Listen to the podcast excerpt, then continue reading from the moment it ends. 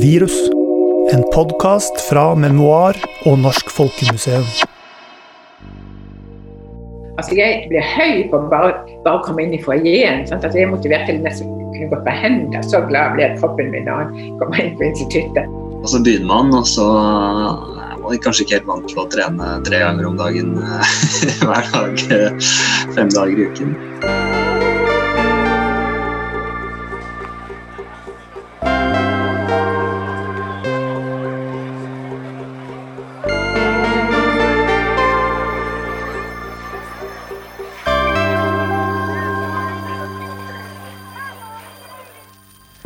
Løpet av det siste året så har vi alle måttet legge om på de fleste av ferie- og reiseplanene som vi hadde for 2020, og nå også 2021. Turen til Gran Canaria ble til turen til hytta, og reisen til Asia har blitt en lang gåtur over Norges vakre fjell og daler. Og for de fleste av oss så har jo dette vært en helt grei omstilling. Vi har forstått hvorfor det må bli sånn, og vi har bidratt i dugnaden på vår måte. Men hva med de som ikke reiser til Gran Canaria for hyggen eller for å spise god mat? Hva med de som reiser for å få behandling for kroniske smerter? Eller de som trenger varmere klima for å bremse en sykdom som ikke kan stoppes? Hvordan har det gått med de? I denne episoden skal vi få høre fra folk med revmatiske lidelser som ikke har hatt mulighet til å reise på behandlingstur til utlandet. Har de funnet noen andre måter å lindre symptomene sine på? Mitt navn er Katrine Hasselberg, og sammen med Audun Kjus har vi laget podkasten du hører på nå, nemlig Virus.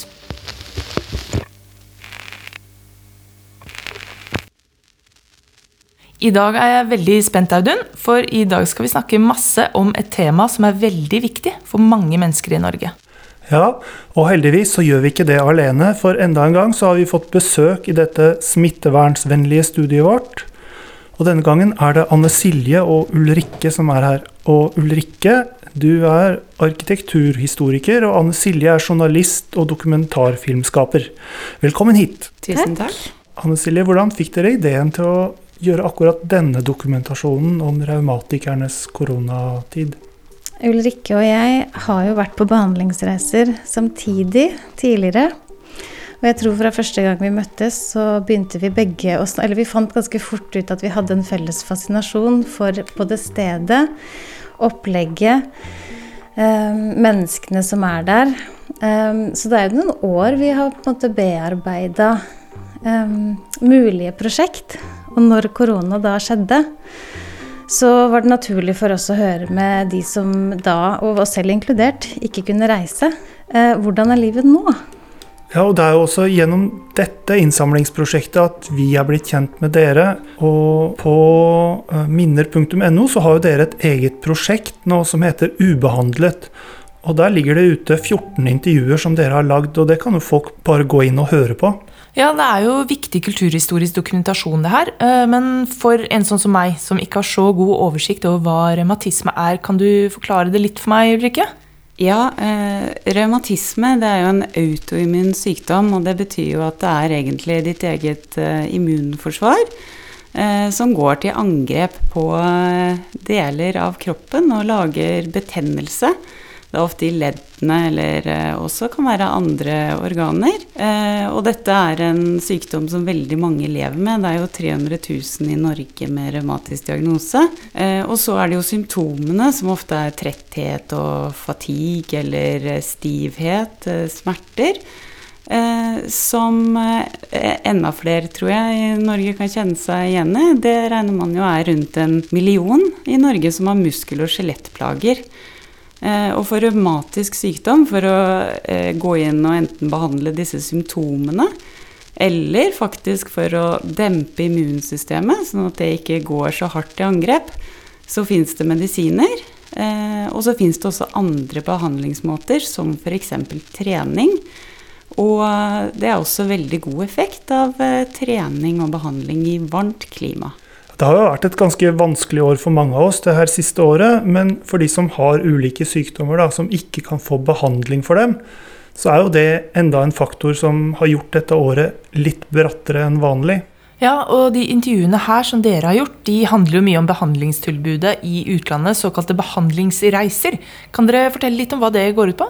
Ja, da får du eh, fire uker dekket av staten til å reise til et av behandlingsstedene. Det som vi har tatt utgangspunkt i nå, er jo Igalo i Montenegro.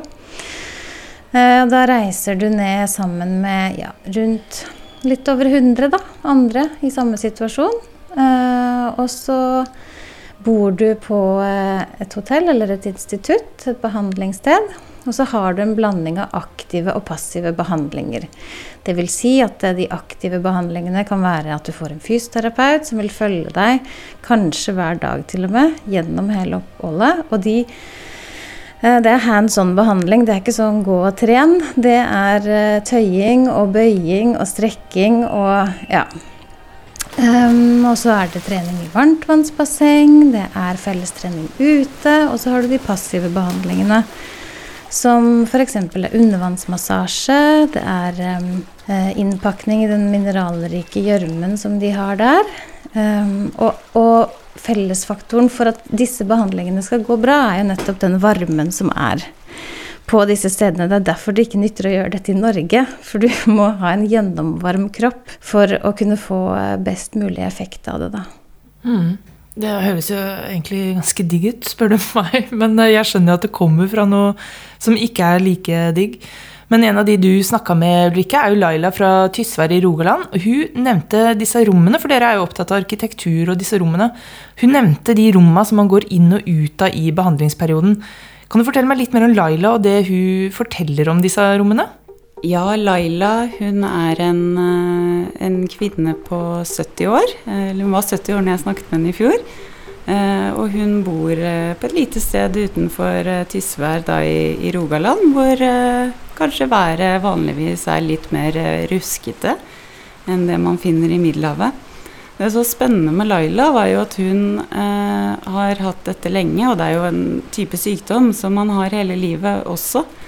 Så hun var jo på sin første tur i eh, 1984. Eh, og dro ned på dette og lurte jo veldig på hva dette kunne være. Og opplevde jo at det var veldig god effekt. Opplevde at dette er jo ikke en eh, sydentur på statens regning. Må eh, Det er veldig mye innsats som eh, legges ned fra enkeltpasienter. Eh, og hun har jo da vært der årlig siden 80-tallet, med noen unntak.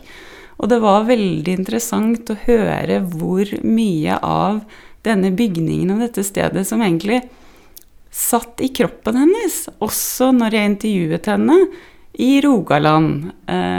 og at uh, med visse spørsmål så, så, fikk man jo virkelig uh, ja, høre og kjenne på hvordan Laila opplever enten å være der, eller å, å tenke på hvordan det er der. Jeg trives aller best i, bassengavdelingen og i treningsavdelingen. Altså, den lukten som er Det er lykkelukt selv om jeg ikke har ikke fordi at jeg, jeg har så vonde fingre og det er så vondt å få det av seg igjen selv om du spyler det. så har, Det har jeg ikke hatt for mange Men lukten av vann og gytje og svette og, og, og, arbeidsglede for de som jobber der, og entusiasme stort sett for de som går frem og tilbake, varm i fjeset, rød i fjes og varm og svett. og og har på en måte fokus bare på seg selv og kan yte maksimalt av hva de kan og hva de ønsker. Altså Hele atmosfæren i behandlingsavdelingen, tror jeg. Men når vi kommer inn, så tenker kroppen OK, og kroppen husker det. Jeg mener jeg er helt sikker på at kroppen Om ikke akkurat jeg tenker på det der og da, så, så kroppen tenker å, hallo, nå endelig, nå skjer det ting.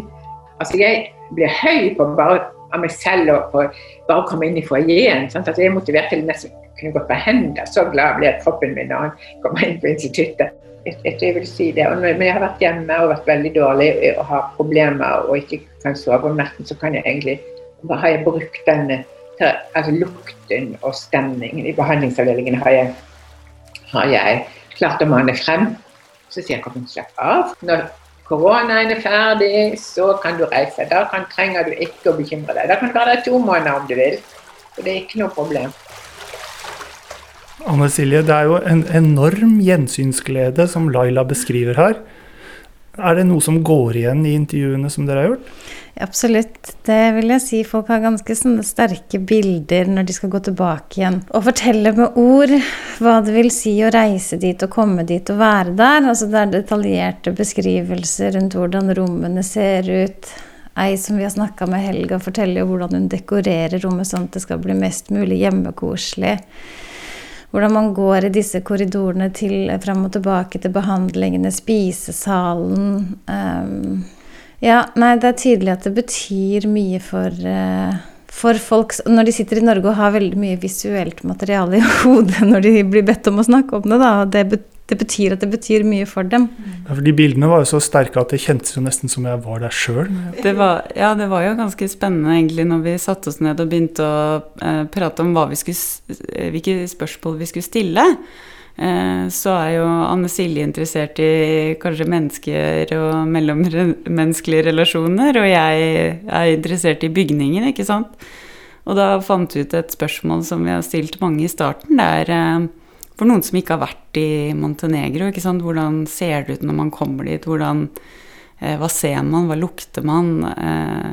Og, og, det var en sånn kjempefin uh, inngang, altså, til å, til å, snakke også, ikke bare om bygning og fliser og uh, metall og glass, men uh, hvordan kroppene kjentes. og hvordan man også da takler disse, disse sykdommene. Mm, ja, for akkurat det med det å ha en kronisk sykdom, hva gjør det egentlig med deg? Ja, eh, jeg sitter jo i, uh, i, i styret for Norsk Revmatikerforbund uh, Østfold. Uh, så jeg har jo på en måte én rolle der, nå, så nå kan jeg jo bare snakke for meg selv. og det jeg har lært også ved å snakke med så mange andre, og det er vel egentlig at det er veldig individuelt. folk reagerer veldig forskjellig på det. Ehm, og også at eh, hvordan man tenker rundt det. Eh, om man syns det er en sorg, eller om man syns det er en utfordring. Ehm, eller om man eh, føler at det har gjort at man har funnet ut andre måter å leve på og fått andre typer verdier. Altså, du, det er så individuelt, og det forandrer seg i løpet av livet. Eh, det har vel kanskje du og Anne Silje i de intervjuene du har eh, gjort og sett? Ja, absolutt. Eh, folk takler det veldig forskjellig. Jeg tror fellesnevneren for dem alle er jo at et sted uansett, langt inni en, så er det vanskelig. Det er vondt, og det er vanskelig, og det er en utfordring som man må hente litt kraft for å kunne håndtere. Men så er det noen som Altså, sykdommene er jo forskjellige, så noen må, kan trå enklere til verks for å håndtere sykdommen, mens andre eh, har det sånn at det blir en såpass stor inngripen i livet at det begrenser dem. Eh, så eh, ja. Men det er jo også mange erfaringer. Vi kan jo høre litt fra en annen av disse erfaringene som dere har samlet inn. da. For Anne Silje, du intervjuet jo Fredrik. Eh, kanskje kan du si litt om han og om, om intervjuet hans? Ja, Fredrik var en av de eh, mest rørende intervjuene jeg hadde, tror jeg. Han er i slutten av 30-åra og har to små barn. Og for han har jo sykdommen eh, gjort at han følte at han rett og slett ikke var en bra pappa i en periode. Han ble sliten, han måtte ha mye hvile. Eh, han måtte virkelig gå dypt inn i seg selv for å håndtere de følelsene som kom med at man følte at man ikke strakk til. da. Eh, og det er en ganske alvorlig situasjon, som han sa, når han føler at liksom Ja, klarer jeg ikke å ha barn engang? Liksom. Det er jo noe av det vondeste du kan tenke deg. Altså, Virkelig. Tenk, å oppleve at du ikke strekker til som forelder. Liksom. Ja. Og, og, det er jo ikke noe han kan for selv, så han følte jo at de mørke tankene tok mer og mer overhånd. Men uh, han klarte å um, å komme seg ut av det rett og slett ved å prate. Og også forstå eh, at eh, han må ta de grepene som man vet fungerer. Og det er trening, og det er hvile, og så må man prøve å få til det. Til tross for at barna trenger det egentlig hele tiden. Mm. Ja, la oss bare høre litt uh, fra Fredrik her nå, så kan han fortelle litt om hva de behandlingsreisene betyr for han. I begynnelsen så er det ofte litt sånn at man, man kommer ned, kjenner den deilige varmen og ja, nå skal vi, skal vi kjøre på. Og så, og så begynner man, og så er man kanskje ikke helt vant til å trene tre ganger om dagen hver dag fem dager i uken. Og så går det som regel en sånn liten sånn tipp, da. Etter Og sist så var det liksom sånn den, etter en uke, egentlig. Kjente jeg det. Da var liksom alt vondt og ja, alt føltes skikkelig dritt. Vondt i magen og stiv om morgenen. Og, men så kommer man seg liksom gjennom det. Uh, og så tar man kanskje hopper over et par treninger eller sånn hvis man, hvis man trenger det. da. Og så, og så, begynner det liksom, når det da har vært et par sånne dipper i løpet av første en til halvannen uka, så begynner det liksom å kjenne at ting går oppover igjen. da. Akkurat som man må bryte seg litt ned, bryte ned alt det man har uh, festa fast i kroppen uh, siden sist. Uh, eller gjennom vinteren eller et eller annet. Og så når man først begynner å gå opp igjen, så, så er det en utrolig deilig følelse. da. Man begynner å kjenne man har litt mer å gi. og fysioterapeuten klarer å presse beinet litt enda litt nærmere brystet. Og, uh, så sånn på slutten så har jeg stort sett følt meg ganske bra. Det er akkurat som, Smertene er der fortsatt, men, men, det er liksom akkurat som på en måte de verste broddene. Alle de er på en måte borte. Broddene på smertene, hvis det makes sense. Eh, den er ikke like pressende, man trenger ikke tenke like mye på den. Og det å ha andre folk som er på for, rundt deg, som har vært på forskjellige stadier av dette, noen har kanskje vært gjennom alle stadiene allerede, eh, og ha noen å på en måte kunne spare litt med og prate med om det, har vært veldig viktig. Og de turene jeg har vært på, spesielt siste kanskje, da, men, men egentlig i alle turene så er det, jeg har vært på, så er det såpass mange mennesker også at du klarer alltid å finne noen som har en situasjon som er lik nok til at, eh, til at, du kan relatere veldig. Da. Eh, så det har vært det for meg i hvert fall å finne noen som på en måte har, det, har noen av de samme greiene, på en måte, og har vært gjennom både psykiske og liksom tankene. Og, og ha de å, å, å, spare med har vært utrolig deilig. Her hører man jo hvor viktig disse reisene kan være for folk som har raumatiske lidelser. Og nå har de altså måttet klare seg uten, Ehm, kan dere si noe om hvordan folk har tilpasset seg, nå som de har måttet være i Norge? Ja, det er faktisk kjempespennende. For um, mange har jo da måttet uh, bruke hjemmet på en annen måte. Trene i hjemmet. Laila snakket om uh, hvordan hun har brukt uh, trappen, eget hus, for å opprettholde litt styrke og balanse. Eh, mange vi snakker med, har vi spurt eh, hva slags utstyr bruker du i treningen, og, hvor oppbevarer du det? Hvor eh, ligger egentlig den yogamatta? Eh? Og at det har vært vanskelig å få til. At det er noe helt annet å gå til en gruppe på et fast tidspunkt og møte andre i samme situasjon og vite at det skal jeg i dag. Jeg synes ganske, altså Det er jo flere av oss både med og uten revmatisme, som har følt på at det å skulle være sin egen trener er ganske vanskelig. Det, også... det å lage, lage, rutiner som holder, liksom, ja. i den der hverdagssituasjonen. Så flere av de har jo sagt ja, jeg har vært flink til å gå tur, men uh, den andre treningen er det vanskelig å få til, så er man flink i perioder. Og... Ja, for dette Fredrik nevnte jo nettopp det med fellesskapet som oppstår på de turene her, sånn at det er veldig positivt. Og Kan dere si noe mer om det? Betydningen av det sosiale? da, At man møter andre som kanskje har de samme type lidelsene eller smertene? da?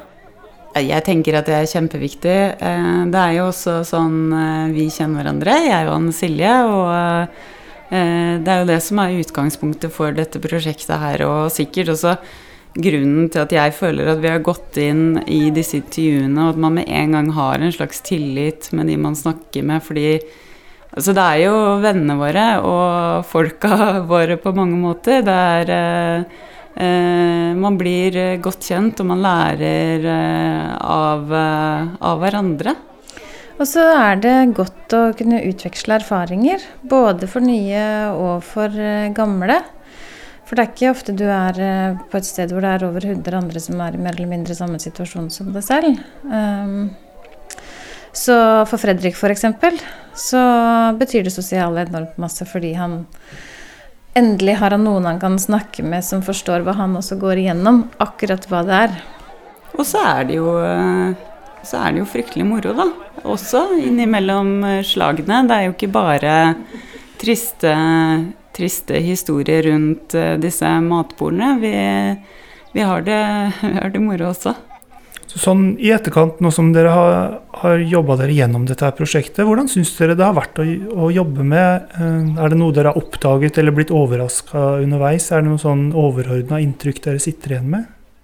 Jeg er imponert over hvor åpne folk har vært. Ja. Hvor mye de har turt å Eller uh, velger å, å, fortelle som kan være ganske sårt og tøft. Um, ja, det er veldig, veldig glad for og veldig imponert. Jeg har blitt, rørt flere ganger.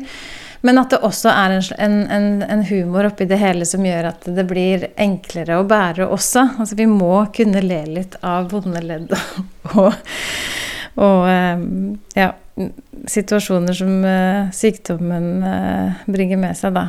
Så jeg er bare veldig imponert og full av respekt for de som har villet prate med oss og, og dele med noe som er så nært og privat som sykdom faktisk er, da. Mm. Hvordan ser det egentlig ut med behandlingsreiser nå i 2021, da? Ja, jeg skulle jo vært på Tenerife i 2020, um, og det ble jo uh, utsatt først. Så eh, da skulle jeg dra i 2021, nå i mai, eh, og så ble det da avlyst. Og siden sykdommen kan forandre seg over tid og, og litt sånne ting, så måtte man søke igjen. Eh, så nå er det en ny søknadsrunde ute. Eh, og i den søknadsrunden så har jeg fått et avslag fra, på min søknad, og det var pga. at de rett og slett har et så enormt eh, press. Det er så mange som trenger dette nå. At akkurat jeg og min tilstand nå ble ikke prioritert, og det er jo absolutt forståelig. samtidig så sier det jo også noe om at vi har et opplegg da, som funker veldig bra, og det ble gjort en eh, rapport i 2018 som heter Remundsrapporten fra NRF. Eh, og som konkluderer med at også dette her er veldig samfunnsøkonomisk, fordi det holder folk i arbeid lenger. Laila snakket jo om det, og, eh, og er egentlig ikke en veldig dyr behandling. Men det er jo heller ikke lett å sende en, en, gruppe ned eh, til utlandet, spesielt en gruppe hvor veldig, veldig mange er i risikogruppen. Så det er jo full forståelse for akkurat eh, de tingene, og de jobber jo på spreng med å finne løsninger på dette her. Men da får vi håpe at det ikke varer altfor lang tid før eh, de med raumatiske lidelser igjen kan få dra på behandlingsreiser. Og vi er allerede kommet til slutten av denne episoden, og vi må få si tusen takk til Ulrikke og til Anne Silje for at dere kom hit til oss i vårt improviserte studio. Og så minner vi om at intervjuene deres de fins i prosjektet Ubehandlet på minner.no. Og sjekk gjerne også de andre lenkene på nettsiden for denne episoden. Der er det mer stoff. Ja, tusen takk for at vi fikk komme. Og så må vi få si hjertelig takk for at du hørte på denne episoden av Virus. Vi håper du vil anbefale den til en venn eller to, og så kan de også høre hvordan denne tida har arta seg for folk flest. Og husk at hvis du vil høre mer fra intervjuene, så kan du gå inn på minner.no, hvor vi har samlet alle intervjuene som er brukt i hver episode, på en egen side. I neste episode så skal vi få høre fra folk som har mista jobben eller blitt permittert i løpet av pandemien. Det er jo dessverre ikke sånn at alle har fast stilling og forsikringer på inntekt når jobben deres blir satt på vent, noe som ble tydelig både i kulturbransjen og egentlig hele utelivsbransjen. For hva skal man gjøre når regjeringen innfører skjenkenekt og man nettopp har åpnet en vinbar? Smakingen og sånn var egentlig sånn planlagt. Det var ganske mye folk, man spytta i bakka sammen med andre. og sånn sånn. Og så kom jeg hjem 11. mars, og jeg serverte folk mat. Jeg hadde kommet fra flyplassen, rett på jobb. Og så kommer hun som eh, var økonomiansvarlig og sjefen min og sånn, da. Eh, hun som eide sjappa, ned og sa Lise, du har ødelagt alt. Nå må du gå i karantene klokka seks. Vi stengte to timer senere, og så åpna vi aldri igjen. Musikken du har hørt gjennom hele episoden, er spesialkomponert av Therese Aune. Hvis du vil høre mer av henne, så kan du finne henne både på Spotify og andre strømmetjenester, eller på thereseaune.com. Hvis du liker denne podkasten, som ikke hadde vært mulig å produsere uten støtte fra Sparebankstiftelsen DNB, Fritt Ord og Bergesen-stiftelsen, så gå gjerne inn og gi oss en rating i podkastspilleren din. Jeg heter Katrine Hasselberg, og min medprogramleder er Audun Kjus. Takk for at du hører på!